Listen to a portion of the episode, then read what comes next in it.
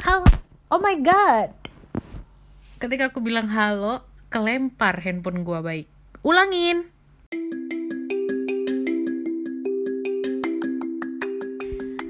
Halo guys, welcome back to my podcast channel Little Talk. Dan untuk episode kedua kali ini Gue bakal ngobrolin sesuatu yang sangat menyenangkan guys. Berbeda kayak tema pertama yang gue usung ya. Di episode pertama kita ngobrolin sesuatu yang mungkin agak berat gitu Tentang corporate communication kind of things. Tapi kali ini kita mau ngobrolin sesuatu yang ringan-ringan syahdu Untuk menyambut weekdays kalian di week pertama September ini. Jadi aku tuh pengen ngobrolin tentang Korean drama. Hooray! Korean drama itu adalah part of my life lah dari zaman dulu. Itu pokoknya nggak ada hari tanpa Korean drama, guys. Nah, biar hobi aku ke Korean drama itu berguna, di episode kali ini aku pengen ngasih rekomendasi ke kalian drama Korea apa yang boleh banget dimasukin ke must watch list kalian untuk September ini ataupun untuk ke depannya gitu berdasarkan tahun. Jadi pengen flashback 5 tahun ke belakang nih dari tahun 2015 sampai tahun 2020 in each year drama apa aja yang menurut aku oke okay banget buat di rerun, rewatch ataupun buat kalian yang belum nonton boleh mulai ditonton. Karena emang ciamik banget. Oke nggak sabar kan? Langsung aja ke list nomor pertama Oke, kita masuk di tahun 2015. Di tahun ini itu banyak sih drama bagus guys, sampai bingung aku memilih mana yang akan gue rekomendasiin. Kayak ada drama Hello My Venus yang main Shin Min Ah. Ceritanya dia yang diputusin pacarnya dikala dia lagi pas uh, gendats-gendatsnya gitu dan kemudian di uh, putusinnya gara-gara selingkuh gitu sama cewek yang lebih cantik. Terus dia kayak termotivasi kan buat menjadi better dan jatuh cinta lah sama trainer uh, gymnya dia gitu. Kemudian ada She Was yang main Park Seo Joon sama Hwa Jung Eum dan yang terakhir itu ada Kill Me Heal Me. Menurut aku ini adalah my top list number one list drama tahun 2015 yang bakal aku rekomendasiin ke kalian yaitu Kill Me Heal Me Heal Me ini dibintangin juga sama Mbak Hwa Jung Om tuh kan. Pokoknya kalau yang main Mbak Hwa Jung Om itu dramanya oke-oke guys. Kalian harus coba googling drama apa aja yang dimainin sama dia dan banyakkan itu mas watchlist semua. Dan cowoknya dimainin oleh Mas Ji Sung.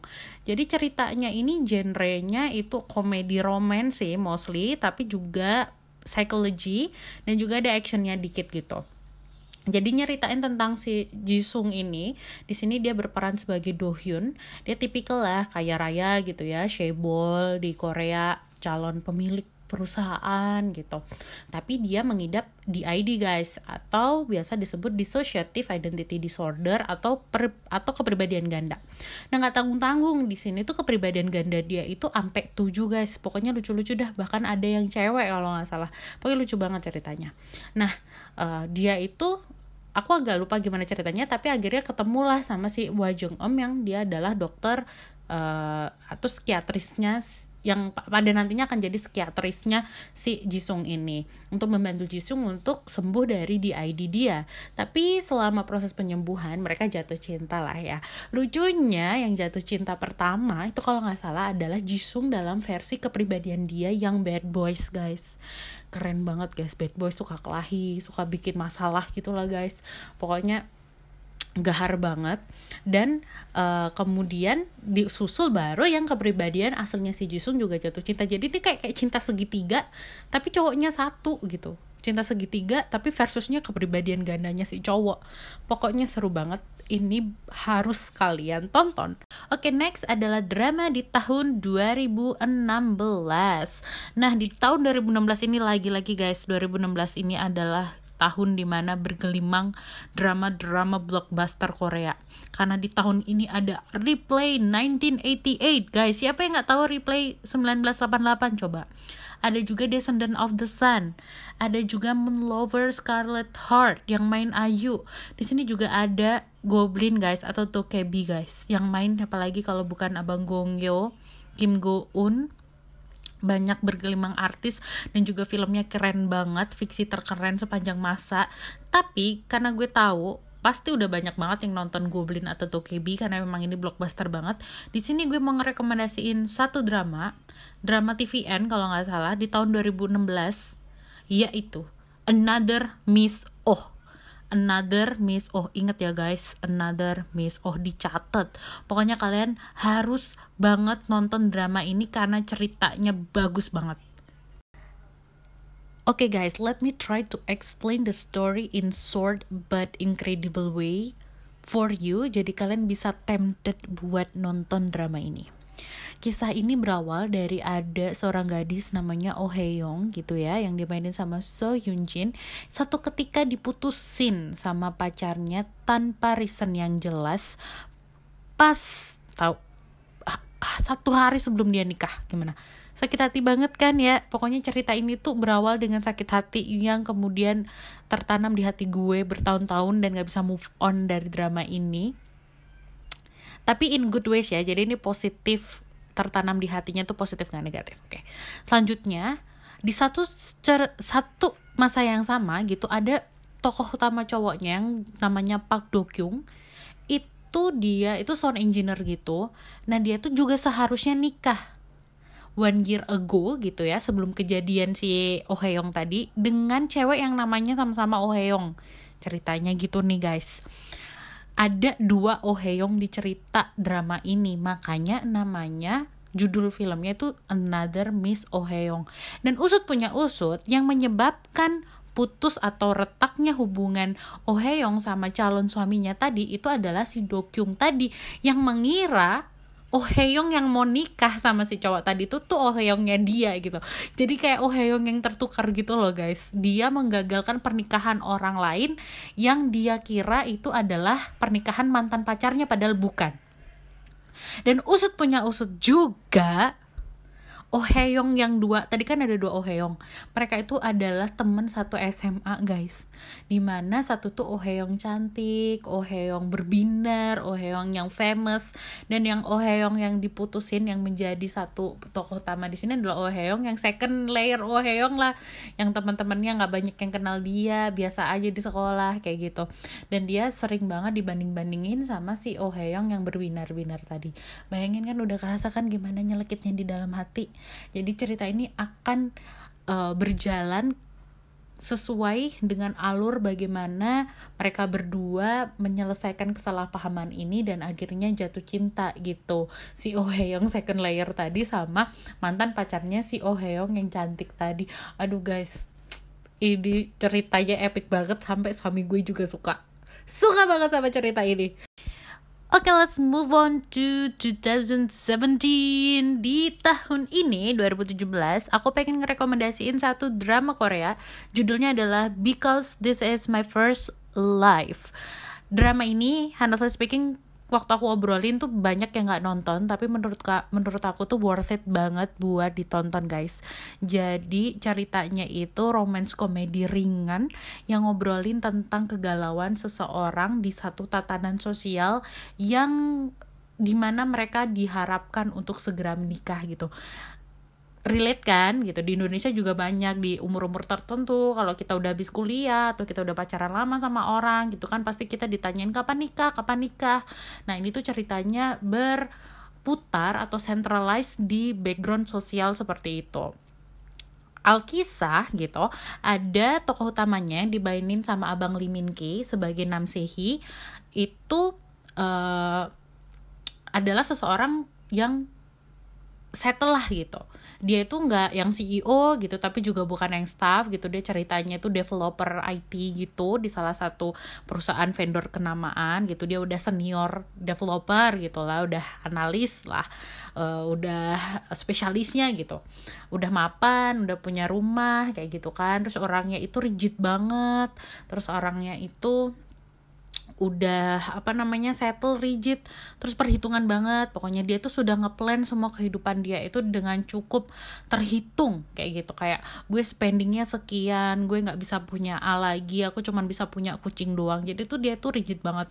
Lu kalau suruh lembur gue lu juga harus make sure kalau kehidupan gue itu balance gitu. Gue nggak mau lembur kalau misalkan kehidupan gue itu nggak balance gitu gitulah macam orangnya si Nam Sehi ini. Nah ada juga tokoh utama ceweknya Mbak yang dimainkan oleh Mbak Somin itu sebagai Jiho. Di sini juga sama dari uh, keluarga biasa aja gitu kayaknya juga uh, pekerjaan dia ganti-ganti gitu. Aku agak lupa latar belakang pekerjaannya si pemeran utama ceweknya. Tapi ternyata dia itu keselip sama adiknya yang kemudian punya pacar terus MBA dan mereka harus nikah gitu kan.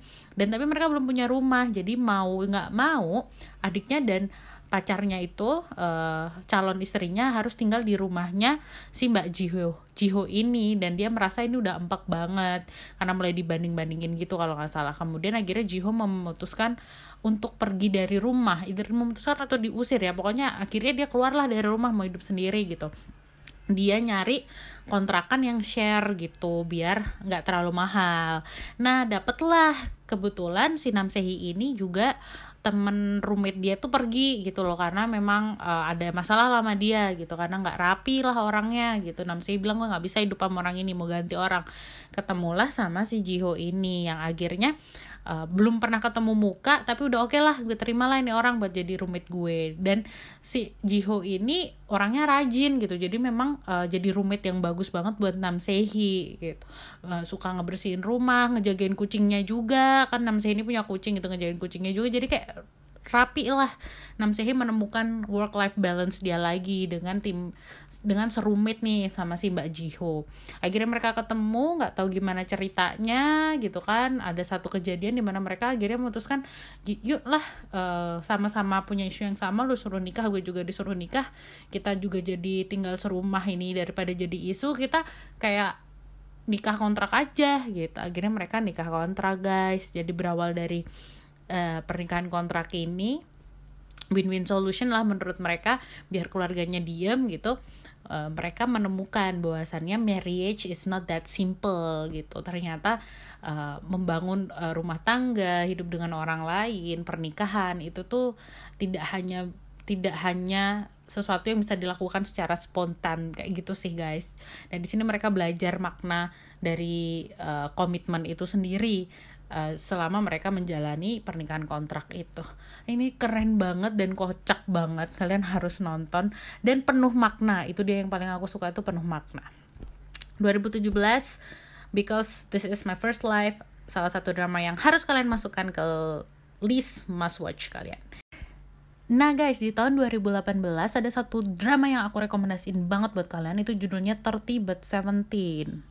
Jadi kalau dalam bahasa Indonesia itu 30 tapi 17 itu judulnya rada aneh ya kalau di bahasa Indonesia. Genre dari drama Korea ini itu lebih ke romantic komedi tapi juga melo guys. Kenapa melo? Karena cerita ini backgroundnya itu cukup sedih gitu sih.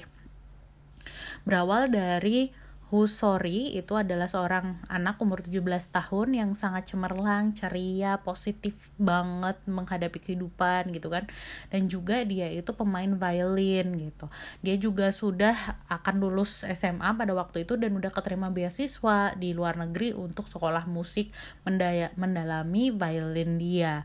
Tapi celakanya waktu dia sedang naik bis menuju latihan violin, dia itu mengalami kecelakaan yang menyebabkan dia itu selama 13 tahun. Dan dia terbangun ketika dia sudah berumur 30 tahun. Gitu tanpa lulus SMA dia sudah kehilangan chance dia untuk belajar violin lagi kayak gitu. Dia bangun tapi ketika bangun dia itu dan dalam diri dia itu masih dia yang 17 tahun gitu. Jadi dia shock banget kenapa gue bangun muka gue udah beda kayak gitu. Terus kayak udah nggak ada siapa-siapa lagi terus aku udah nggak sekolah dan gimana dan nggak nggak ada bekal apa pun untuk menghadapi dia yang umur 30 tahun kayak gitu. Nah, ceritanya juga bersentral di kisah Hujin. Nah, Hujin ini itu sebenarnya adalah seorang cowok gitu yang dulu waktu umur 17 tahun ini jatuh cinta sama Sori gitu gitu. Tapi entah kenapa nanti kalian nonton deh dia selama ini tahunya sorry itu meninggal gitu guys. Dan dia merasa sedih seumur hidup dia uh, karena uh, dia memiliki part di meninggalnya si sorry ini. Kalian harus nonton untuk tahu lebih detailnya tapi yang namanya destiny dan jodoh ya mempertemukan mereka lagi ketika si Sori ini berusaha mencari keluarganya dia gitu. Yang telah pergi entah ke mana dan kembalilah dia ke rumah yang dulu dia tinggalin.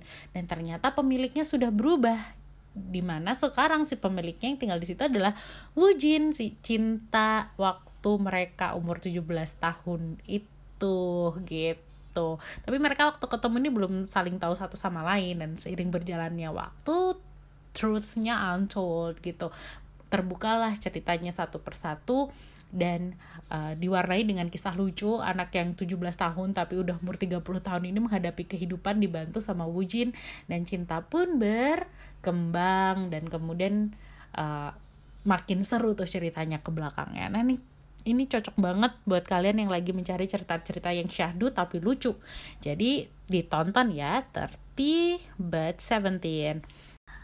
Oke okay guys, untuk drama tahun 2019 yang pengen aku rekomendasiin itu kalian semua juga mostly mungkin udah tahu karena memenya sempat booming di mana-mana gitu ya. Judulnya adalah Crash Landing on You atau biasa kita sebut atau kita pendekin jadi Chloe.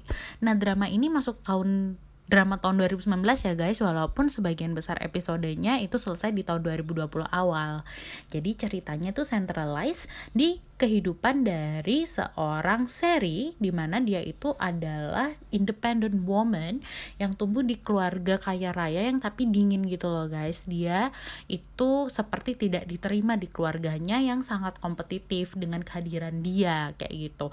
Dan uh, kayak nggak disayang dia merasa kayak gitu. Dia tuh nggak disayang tapi itu membuat membuat dia termotivasi untuk membangun line bisnis dia sendiri.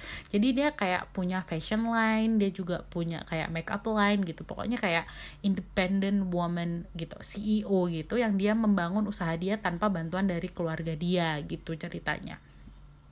Ceritanya juga bersenta bersentral yes uh, kayaknya going on di kehidupan seorang kapten Korea Utara yang namanya Ri Jong Hyuk dimainkan oleh Abang Hyun Bin. Di sini itu uh, dia sebenarnya nggak uh, pengen jadi militer gitu tapi dia tumbuh di keluarga background militer di Korea Utara udah militer Korea Utara dan dia itu sebenarnya pengen jadi pianis gitu. Dan dia tuh udah sekolah pianis gitu ke Switzerland ceritanya waktu itu. Tapi karena kematian misterius dari kakaknya, dia diminta pulang untuk meneruskan darah militer keluarganya kayak gitu. Nah, gimana mereka berdua bisa ketemu? Itu adalah cerita lucunya. Jadi ceritanya Mbak Seri satu ketika sedang paragliding karena lagi tester uh, baju sportnya dia lah gitu line sportnya dia. Dia coba paragliding ada angin ketiup lah si Mbak Seri ini ke Korea Utara temangsang guys di pohon gitu kan. Dan ketika dia nyantol tuh temangsang tuh di pohon itu dia ketemulah sama si Kapten Ri Jong Hyuk nah ceritanya dimulai dari proses bagaimana kemudian Ri Jong Hyuk dan timnya membantu Seri untuk kembali ke Korea Selatan. Kocak banget lucu banget. Dan tentunya romantis banget. Jadi ini cerita yang ringan banget buat kalian buat spending the days and weekend harus ditonton. Karena selain ceritanya tuh ringan, seru, tapi itu mereka tuh kelihatan banget effort di sinematografinya gitu loh guys. Mereka syuting di Swiss. Bagus banget lah pemandangan yang mereka tampilkan gitu. Terus uh, apa namanya cara mereka bikin set Korea Utara itu tuh keren menurutku dan itu kayak hiburan banget lah nonton drama ini. Selain dapat cinta cinta cintaannya terus familynya friendshipnya juga dapat. Jadi kalian harus nonton Chloe Crash Landing on You. Oke okay guys, akhirnya kita masuk kelas list pada podcast episode kedua ini list drama dari tahun 2020 yang tentunya kalian juga pasti udah banyak yang nonton ya. Aku ngerekomendasiin Itaewon Class. Aduh ini mah cerita positif banget message yang dikirimkan buat audiensnya. Jadi aku pribadi sangat termotivasi sama film Itaewon Class ini guys. Walaupun mungkin termotivasinya bentar gitu tapi cukup membuat aku selalu berpikir positif ketika sedang melaksanakan hari-hari yang cukup berat gitu. Jadi cer singkatnya cer bercerita tentang Pak Seroye itu seorang anak yang cukup acuh tak acuh lah sama kehidupan. Dia tuh dulu pokoknya intinya tujuan aku pengen jadi polisi udah gitu aja. Nggak usah terlalu pinter-pinter yang penting fisiknya oke okay, dia lolos tes polisi dia pengen jadi polisi gitu. Dan dia punya seorang ayah yang bekerja di salah satu perusahaan kuliner terbesar gitu. Retail kuliner terbesar yaitu Jangga. Nah di situ. Nah tapi ada case di mana si Pak Seroy ini ternyata kelahi nih sama anak pemilik Jangga sehingga ayahnya dipecat gitu. Dan kemudian uh, Pak Seroyinya juga dikeluarkan dari sekolah sehingga dia sudah susah lah intinya untuk mendaftar jadi polisi gitu. Lebih parahnya lagi ada kejadian yaitu kecelakaan yang disebabkan oleh anaknya presidirnya Jengga itu yang menyebabkan meninggalnya papahnya Pak Seroyi. Setelah itu dia di awal-awal itu dia kelahi sama si anaknya presidirnya Jengga ini Jangga ya, Jangga ini. Kemudian dia harus drop out dari sekolah kemudian dia juga ke apa namanya masuk penjara dan akhirnya ketika di masa penjara itulah dia menyusun rencana untuk balas dendam secara positif ya. Dia pengen menjadi pengusaha juga pengusaha kuliner juga yang akan mengalahkan Jangga. Di mana dia merasa uh, itu adalah salah satu jalan untuk membalas dendam ayahnya untuk mengalahkan Jangga di bisnis mereka gitu.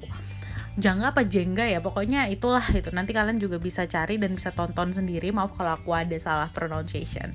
Selama perjalanan dia meraih mimpinya itu dia bertemu dengan banyak anak muda juga dengan berlatar belakang berbeda tapi kemudian sangat uh, kagum dengan Pak Seroyi dan ikut di lini bisnisnya Pak Seroyi. Itu dia bikin satu cafe di Itaewon. Situ dia juga ketemu sama Mbak Yiso di mana seorang wanita muda yang super kreatif terkenal gitu ya. Instagram dia banyak yang like influencer lah gitu. Instagram influencer gitu gitulah dan tapi sedikit sosiopat gitu dia sedikit bukan sedikit sih dia tuh sangat gahar gitulah. Kalau ketemu sama orang-orang yang nggak dia suka gitu atau orang-orang yang ngejek dia orang-orang yang jahat sama dia dia bakal gasrak sehabis-habisnya gitu. Nggak pandang umur nggak pandang siapa dia dia akan ngelawan orang-orang yang menurut dia itu menghalangi jalan hidupnya dia kayak gitu ketemu. Jadi ceritanya mostly banyak tentang perjuangan meraih mimpi ya guys. Dan cerita-cerita sosial yang, diangkat itu oke okay banget. Kayak ada isu tentang gender ada isu tentang perbedaan ras. Pokoknya banyak lah yang diangkat yang bisa kita ambil maknanya dari film Itaewon Class ini. Dan kalian harus nonton banget guys karena aku ngerasa film ini itu nggak yang melulu roman romansa gitu ya nggak cinta-cintaan. Ada tapi dikit tapi mostly itu tentang perjuangan hidup kayak gitu. Kalian harus masukkan Itaewon Class ke list rerun drama Korean kalian atau buat yang belum nonton bisa ditonton. Oke okay guys, uh, itu tadi dengan rekomendasi aku di tahun 2020 menutup episode kedua dari podcast aku. Aku berharap kalian semua suka dan uh, oke okay dan mendapatkan inspirasi untuk drama Korea apa sih yang mau ditonton minggu ini gitu ya atau uh, minggu-minggu depannya. Yang harapannya juga uh, kayak membuat kalian punya list entertain of the week kayak gitu yang bisa kalian pakai buat spending your day. Kalaupun kalian sedang sedih ataupun kalian sedang capek gitu kalian bisa jadikan listku sebagai referensi. Oke itu aja. Kalau selama aku membuat rekomendasi ini ada yang salah kata atau salah pronunciation gitu mohon dimaafkan ya. Oke, okay, kalau begitu aku undur diri dulu. Sekali lagi thank you for listening to my podcast And if you guys have some ideas and comment feedback toward this podcast, you can go to my Instagram at Arlita Widya and slide me the DMs. Dan I hope you guys having fun dengan podcast ini. Have a nice day everyone. Bye bye.